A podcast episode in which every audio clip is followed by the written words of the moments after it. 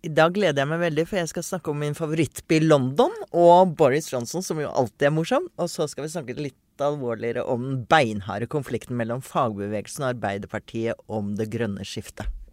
Og i studio sammen med meg sitter Ola Magnussen Rydje. I think it's a disgrace. Jeg syns det blir litt spesielt. At Dagbladet driver med Donald Duck-journalistikk, det kjenner vi alle til. Men dette holder ikke. Du snakker jo bare visvask av arbeidslivet. Helt useriøst.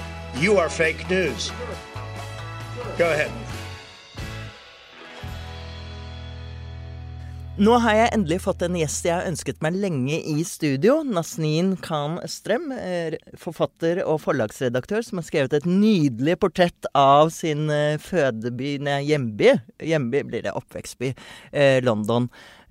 Og om den multikulturelle smeltedigelen London og Storbritannia.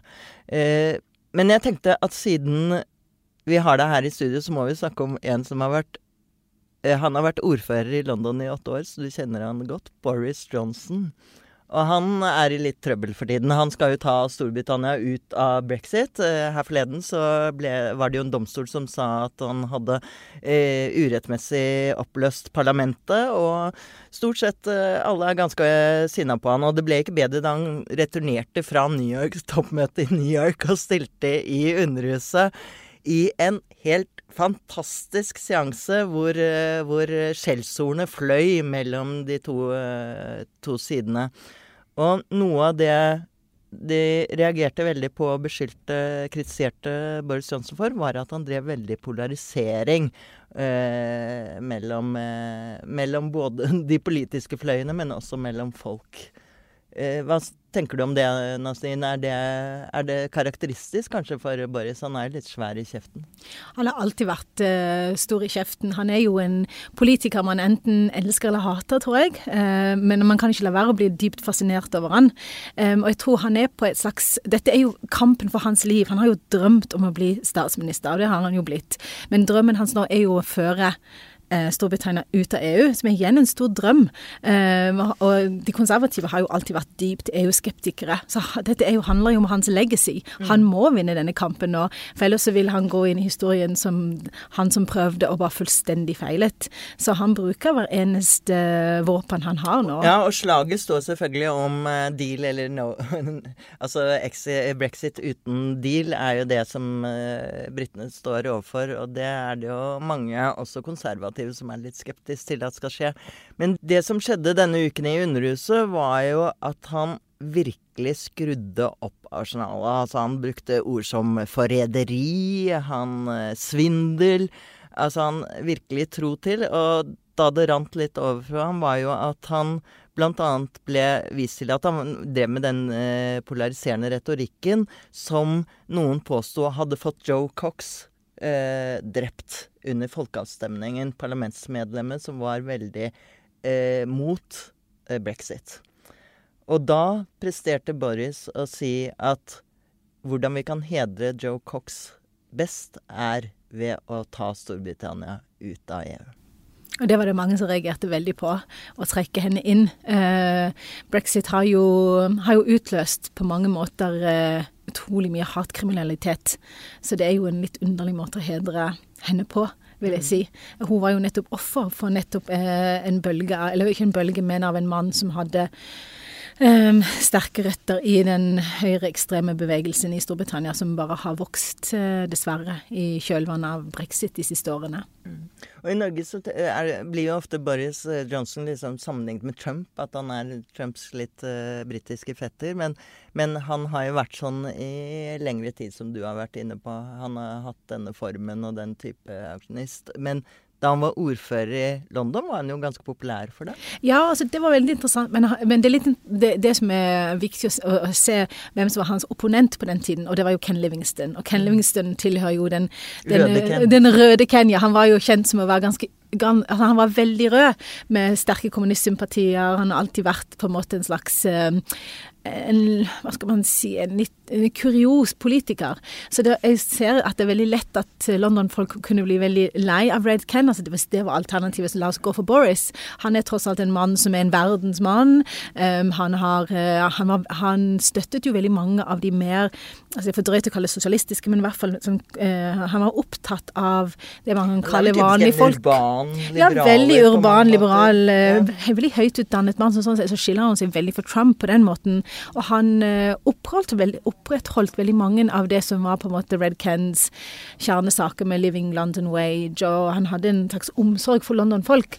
Og når man da må velge mellom Boris og, Ken, så ble det jo Boris. Uh, mm. Så til et visst punkt kan jeg jo forstå det, uh, men folk fikk jo nok av ham. Og så har han en viss sjarm, kanskje? Ja, han er, jo en, han er jo absolutt Jeg skjønner jo folk som syns Når ingenting står på spill, så er han Han er jo, han er jo en, en, både belest og beleven mann, så det er jo Selv om man kan være veldig uenig med hans politiske synspunkter, så må man jo ikke, kan man jo ikke annet enn å bli imponert over hans talegaver, selv om de mm. blir litt over, over Og Boris Johnson er en sånn Oxford, er det vel han er fra? Eton også, ja. ja. Mm. Så, og vi tenker jo på han som sånn urbritisk, urengelsk. Ja. Men, eh, men, han er også en liten melting pot. Ja, han har jo beskrevet seg sjøl faktisk som en one man melting pot. Fordi um, the great, great Jeg leste veldig interessant i dag. Altså hans um, paternal great grandfather var en tyrkisk politiker og journalist. Så hadde ikke da, hans, da konen til denne mannen uh, endret navn, så hadde jo hun, han hett Boris Kemal i dag. Og det syns jeg er helt fantastisk. Og hans ekskone uh, er jo en uh, er jo indisk britisk. Så barna hans har uh, veldig forskjellig herkomst. Så han er virkelig en one man melting, melting pot. Mm. Og dermed en uh, typisk representant for London, uh, og det London du skriver om i boken din. Det fins ikke noe annet London. Ja. det er jeg enig. Det er jeg enig i. Men, men, det er ikke så mye om Buckingham Palace i, i boken din. Ja, det er litt, det er... Det er litt om Lady Di når hun ble sammen med Doddy. ja, ja, ja, riktig. Du følger jo Doddys uh, fotspor. Men, men uh, det du skriver om uh, altså Vaskesteden sier at blant gangstere, rabbinere, oligarker, rebeller og andre ektefødte barn av det britiske imperiet. Det høres ut som en sammenrasket gjeng. ja, de er en sammenrasket gjeng. Men det er jo de som, eh, det er de som har, gjør London til den interessante byen som vi elsker å reise til. Det, altså, det finnes jo på en måte Som jeg skriver i boken, det finnes historie på hvert gatehjørne i London. I hver dør så finnes det interessante personligheter, interessante historier. Um, folk fra hele verden har alltid samlet seg i London, og, og det er virkelig um, verdens navle.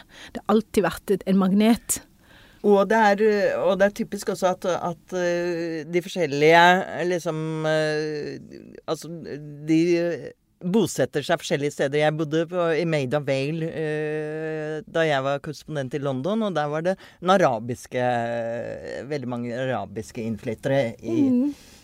Edgeway Road. Mm. Det Edgeway Road. Og sånn er det nabolag for nabolag. Ja. Jeg har tatt for meg eh, nabolagene og sett, litt på, altså sett på den etniske komposisjonen, hvis man kan si det mm. sånn. Fordi når jeg begynte å gå mye rundt i London, så oppdaget jeg jo at uh, kariberne hadde bosatt, bosatt seg ett sted, inderne ett sted, um, araberne ett sted. Og Hedgeway Road har alltid vært den arabiske arbeiderklassens hovedsete. Så hvis men du skal oppleve de rike araberne, så drar man jo til Knightsbridge og Kensington. Ja. Uh, hvis man går Old men Brompton Road. Men der er det jo alltid mørkt, fordi alle hjem Alle hjemmene er, er tomme. De er der et par dager i men, uh, hvis, hvis man går der i august, så så er det jo sinnssykt mange arabiske playboys i absurde, rike, dyre biler. Og de sitter der på rekke og rad i disse kafeene i Old Brompton Road hvor uh, Knightsbridge ligger. Mm. Så det er et veldig bra sted for people watching. Mm. Men, men, du har jo en sær, særlig forkjærlighet for noen av de mer, mer rufsete nabolagene, da.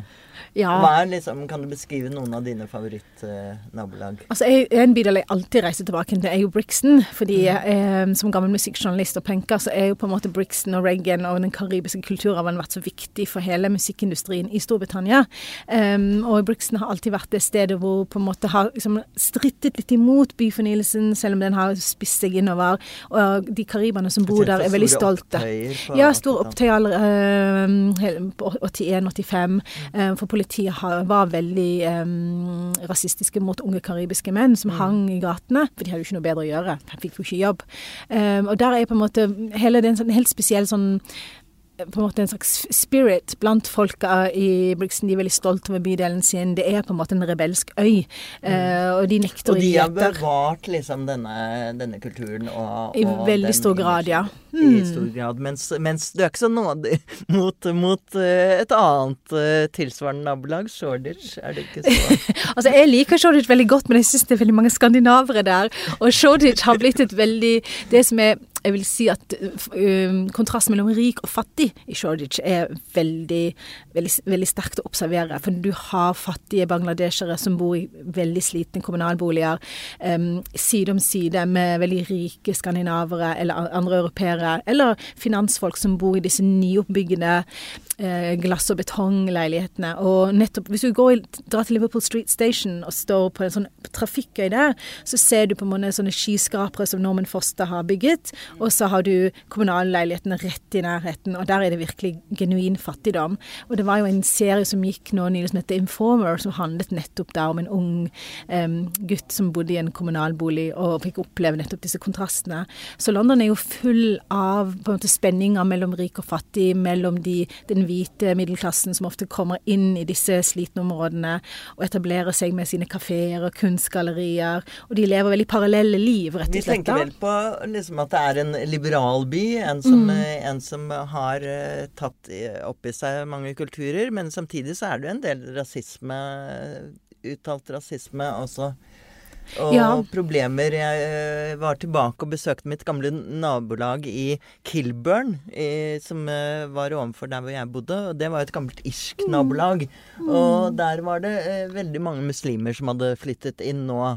Og da møtte jeg noen uh, irre på puben som dette, dette, likte de svært dårlig. Mm. Og det har jo vært det, det, som er interessant, en del karibere fortalte jo meg at de kom jo veldig godt overens med de, med de hvite engelskmennene når de kom til, til London på 50-tallet. Eh, problemet oppsto veldig ofte når folk fra det indiske subkontinent kom, for de hadde en helt annen kultur, hvor kvinnene var ofte mye mer hjemmekjære, eh, mennene drakk ikke, de hang ikke på puben på samme måte, mens karibiske menn og kvinner var jo utadvendte, gikk på pub, de gikk og danset. Så da skjedde det en del interessante kulturkollisjoner. Men det som har skjedd nå, er jo at de unge, altså unge muslimske kvinner og menn, de omgås jo hverandre. og altså Hele London omgår jo hverandre med en slags toleranse. Og så aksepterer man at man kanskje ikke nødvendigvis går på de samme festene, men man aksepterer at, at vi eksisterer side om side. Altså det er en sameksistens der som jeg syns er ganske forbløffende når du tenker på at det nesten bor tolv millioner mennesker der fra hele verden. Det burde jo vært opp til å være der, hadde vi trodd andre, andre kilder. den, den uh, britiske uh, pragmatismen. Jeg husker jeg var jo der da, da den siste IRA-bomben uh, smalt i St. Catherines Docks. Uh, og det gikk det jo ikke Jeg tror, tror det var én som ble drept, men, uh, men uh, det var jo store skader. Og da husker jeg at disse gikk nedover med stresskofferten sin og, og gikk gjennom rubbel og bit og oppførte seg som om ingenting hadde skjedd. Ja, mine London-venninner, hvis vi snakker om terror, så bare trekker de på skuldrene og så sier ja. de 'what's new', sier de bare. Ja, det var ingen som var redd for det. Så altså, de er jo sikkert redd, men de tar det med stiff upper lip. det kan man trygt si. Keep calm and carry on. ja, definitivt. Men i, eh, med det bakteppet med Boris Johnson og brexit eh, hvordan eh, vil London fortsette å være London etter brexit? Er det ikke hele vitsen med London at det er en internasjonal ja. storby som er åpen for utenlandske Altså Sadiq Khan, dagens ordfører, er jo veldig opptatt av å fremme ideen om London is open. Og nå hadde han, han eh, hostet nå nettopp et ganske svært sånn summit hvor han fikk eh, folk som har EU-bakgrunn til å møtes og feire Londons eh, på en måte eh, mangfold. Så han står som en sånn påle mot det der eh, brexit-galskapen. Eh, oppfordrer folk i London til å, til å, ta imot folk, til å være åpne. Han vil at folk skal komme og etablere seg i denne byen. og selv om det kommer stadig melding om at internasjonale firmaer er skeptiske til å etablere seg igjen, og flere vurderer Frankfurt som alternativ, eh, så tilhører jeg nok gruppen som tror at London kommer til å forbli eh, en viktig by, nettopp pga. de økonomiske eh, forbindelsene byen har til resten av verden. Og britene de vil jo, altså de, Brexit, Selv om de vil vekk fra EU, så vil de fremdeles være verdens hjerte. Fordi de har alltid vært verdens Mm. hjerte. Og når de vil gjøre jeg tenker at bare vi De tenker vel tvert imot at vi er mer Eh, internasjonale ja, sant. Og fordi, når de blir fristilt fra EU, så kan jo de, inn, de kan jo stimulere til insentiver fra andre, eh, fra, fra resten av verden. Det er jo mye snakk om at USA og Storbritannia vil få veldig nære bånd nå etter brexit. Så du skal ikke se bort ifra de enorme investeringene som kan komme fra USA, og omvendt. Så det betyr ikke at London kommer til å bli en mindre attraktiv by etter brexit. Kanskje, kanskje tvert imot. Og nordmenn får dra, fortsette å dra til Shoreditch. Det skal de få lov til! Jeg tror også at det kommer til å skje. Men tusen takk for at du kom, eh, og snakket både om Boris og min eh, favorittby London.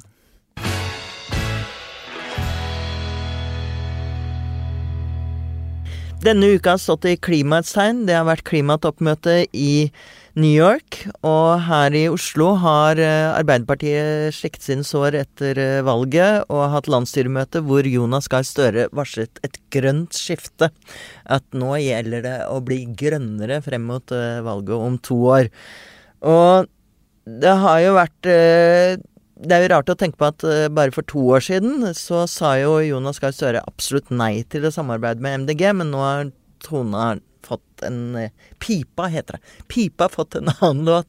Og, og det er nok mange som litt til den Oslo, såkalte Oslo-modellen, hvor jo Arbeiderpartiet samarbeider godt med MDG. Men Ola, det er ikke alle som eh, liker denne grønne flørten som Arbeiderpartiet driver med. Nei, det er det absolutt ikke, og motstanden er jo aller størst i eh, fagbevegelsen, og da i Industriforbundet til LO, altså Industri, Energi og Fellesforbundet, som organiserer veldig mange av de som jobber i bransjen MDG eh, til syvende og sist vil til livs, altså da olje- og, olje og gassvirksomheten som, som Norge holder på med. Og en av de som har vært mest eh, hva heter det, vokal i motstanden sin, er jo Jørn, eh, Jørn Eggum, leder av Fellesforbundet, som har jo gått i strupen på de Arbeiderpartipolitikerne som har ymta frempå at man kanskje skal ha et, eh, ha et samarbeid med MDG. Han, eh, da Espen Barth Eide foreslo det, så sa vel Jørn Eggum eh, hvem er han? Han er ingenting. Ikke sant? Espen Barth Eide, fredelig Espen Barth Eide, er plutselig blitt liksom Satan selv.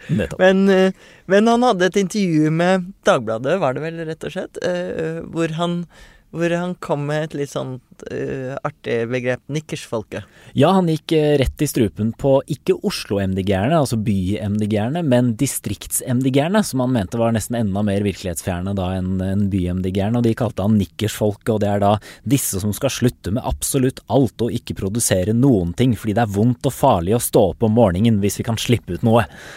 Uh, og det er jo, mener jeg, da et godt eksempel på liksom stråmennene som Jørn Eggum og Fellesforbundet setter opp uh, og meier ned da, i tur og orden, men som egentlig ikke er en særlig liksom en uh... Nikkers er liksom et uh, godt hevdvunnet skjellsord. Vi har hørt om nikkersaldelen. De er jo også ganske virkelighetsfjerne. Det er de som løper rundt i Nordmarka.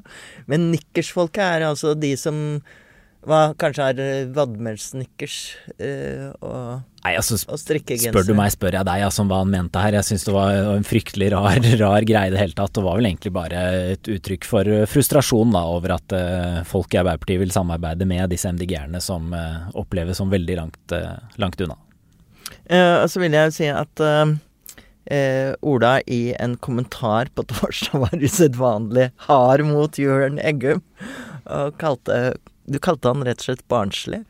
Eh, Ja, ja, ja jeg syns de, den argumentasjonen er veldig barnslig. eh, og i den mer alvorlige forlengelsen er jo at det også er antageligvis ødeleggende for eh, fagbevegelsen, altså for hele tilliten til fagbevegelsen. Altså jeg, jeg kan ikke skjønne hvordan både LO og de forbundene kan tenke at unge mennesker vil organisere seg i eh, i LO når de ikke klarer å ha en klimapolitikk som står i stil med de svære problemene vi har, og ikke vil klare å møte den. Altså, det vil være en selvutslettende strategi å gå så i strupen på de på venstresida, eh, også i fagbevegelsen, som har lyst til å ha en grønnere politikk. Men Geir Ramnefjell, eh, politisk redaktør, det er jo selvfølgelig oljepolitikk eh, dette handler om. Og Jørn Eggum eh, krøp jo litt i korset og sa at ja, ok, jeg, er, jeg kan samarbeide med, med MDG likevel. Men på én betingelse, som jo var ganske, en ganske sterk betingelse å rette til et grønt parti. Ja, det var at de skulle eh, gi seg på eh, det som de har programforplikta, at man skal fase ut olja i løpet av en 15 års en styrt avvikling av oljeindustrien i løpet av 15 år. Um, Relativt sentralt punkt i ja, MDGs det, det, det er, program. Det er jo det. Men jeg tenker jo litt sånn at um, jeg tror innerst inne at MDG forstår at hvis de skal i uh, regjering i uh, noen konstellasjon storting, etter stortingsvalget i 2021, uh, så tenker jeg at de kommer nok til å måtte eh, kompromisse på den oljepolitikken. For det er jo ikke Eh, det er jo ikke flertall på Stortinget for den politikken i det hele tatt. Den forrige tingen som det ikke har vært flertall på Stortinget for, altså det vern av Lofoten, Vesterålen, Senja osv., eh, det har man jo presset gjennom gjennom måte kompromisser, selv om da Venstre egentlig vil, vil enda lenger, og SV også ville enda lenger. Så det kan jo hende at det vi nå har sett de siste dagene, er egentlig en litt sånn tilnærming mellom Eh, fløyene eh, i denne debatten. Man starter ytterst, og så Ja, ja, ja. Og bare det der, den nikkersfolket var egentlig liksom første steg på, på veien. For det er liksom veldig sånn snirklete argument om at, at de, de MDG-erne i Oslo, altså de eh, elsyklene, caffè latte-drikkene, de er egentlig veldig virkelighets, virkelighetsnære. Mens de på, i distriktene, det er de virkelighetsfjerne. Så det er jo en sånn logikk som ikke helt sånn passer til det vi er vant til å forholde oss til. da. Så så jeg syns dette har vært en veldig spennende, spennende uke. Ja, så man kan se for seg at uh, man gjør sånn som man har gjort med andre liksom uh, saker hvor, hvor, partene står så langt fra hverandre at man må bare legge det til side. F.eks. EU-spørsmålet uh, blant de rød-grønne. Nato har vi hatt som liksom er blitt parkert. Ja, man så det jo, man så og at man sier at dette snakker vi rett og slett ikke om i neste periode. Ja, eller, eller ikke, Man snakker jo selvfølgelig om men man, det. Man, finner et annet kompromiss. Ikke, man ja. finner en annen sak å løse det på. For eksempel AUF var jo ute i dag, og de sier at de krever uh, stopp i nye letelisenser. Ikke sant? Uh, og det jo, vil jo være en dramatisk endring av norsk oljepolitikk hvis man uh, går for det. Og det tror jeg at MDG vil kanskje si da nei, dette er ikke vår primærpolitikk, vi vil gå lenger. Men dette er tross alt en vesentlig endring av norsk oljepolitikk. og og, og, vil, og, de vil hevde at det er et eh, stort gjennomslag eh, for dem. Og du ser også at det er krefter i Arbeiderpartiet som ønsker å gå i samme retning. Og så har jo MDG en, eh, en god side for enkelte som er, er, veldig positivt, og det er jo at de er for EØS-avtalen. Ja, de er jo EU-tilhengere. Det, er, det, tror jeg er, det tror jeg er veldig, veldig, relevant i denne sammenhengen. Og det trakk jo også Jørn Eggum fram i Klassekampen-saken i dag.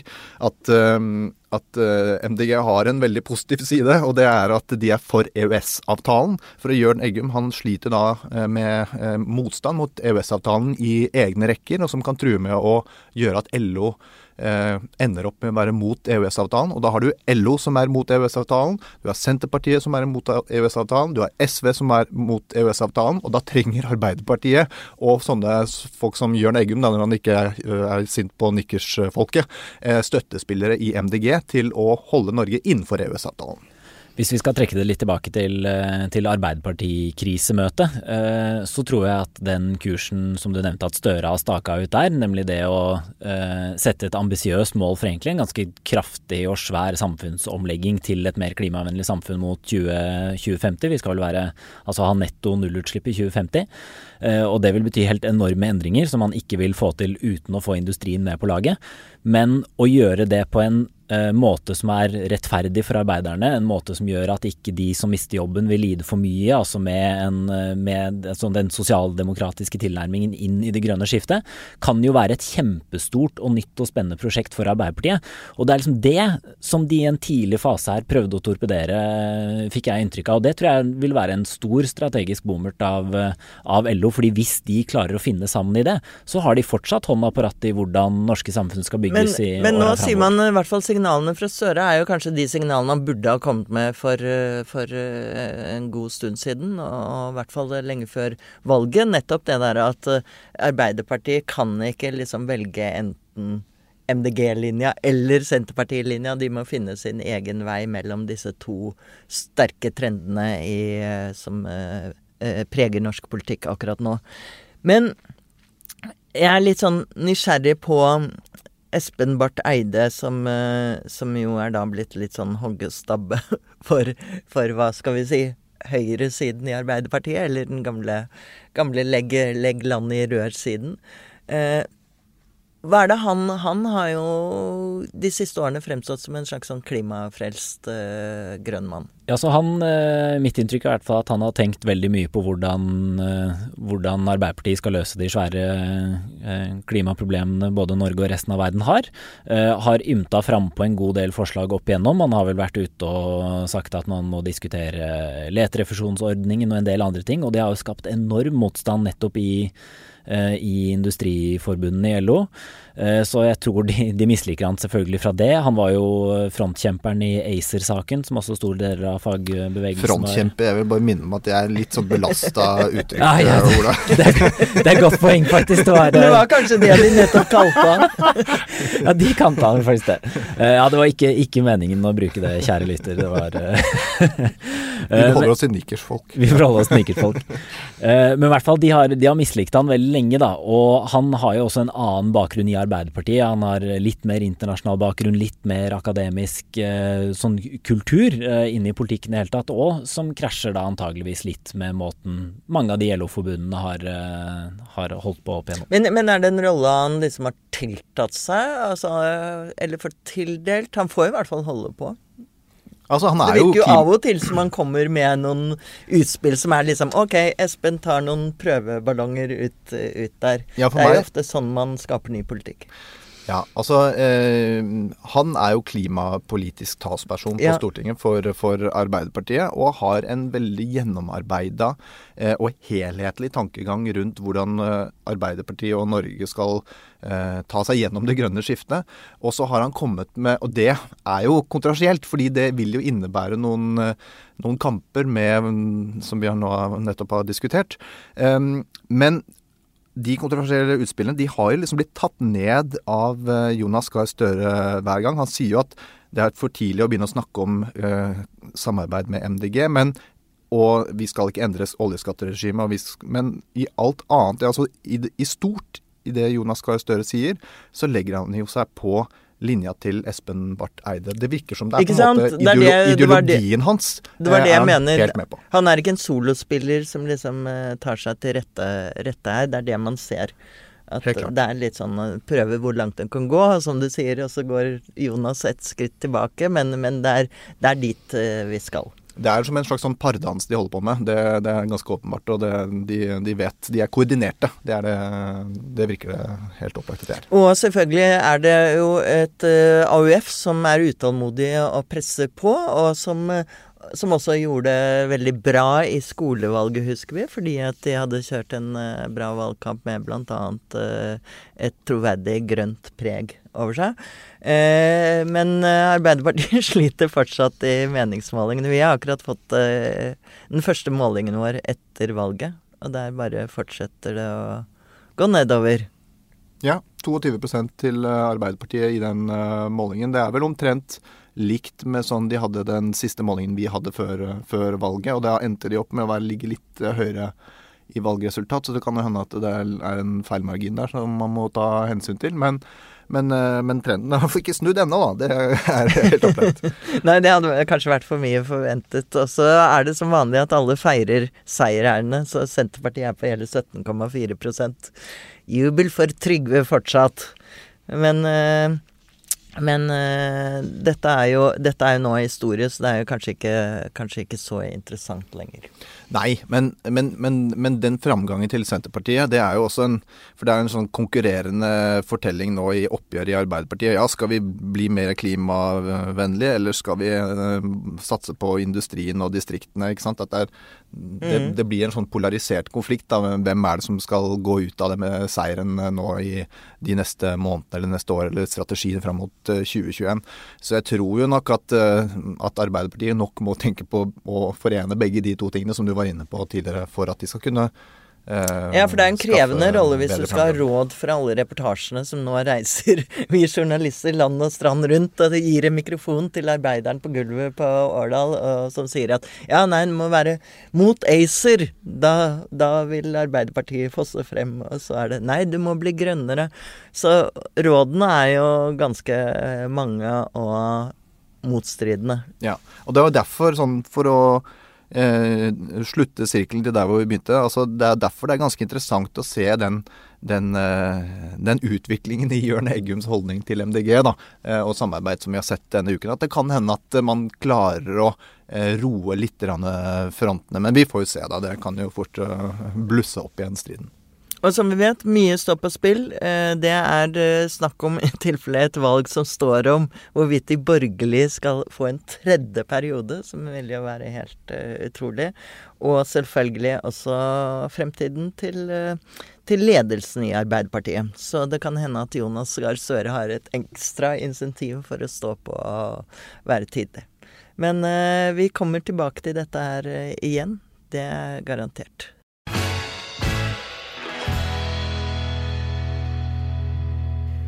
Det var siste med siste med Marie Simonsen.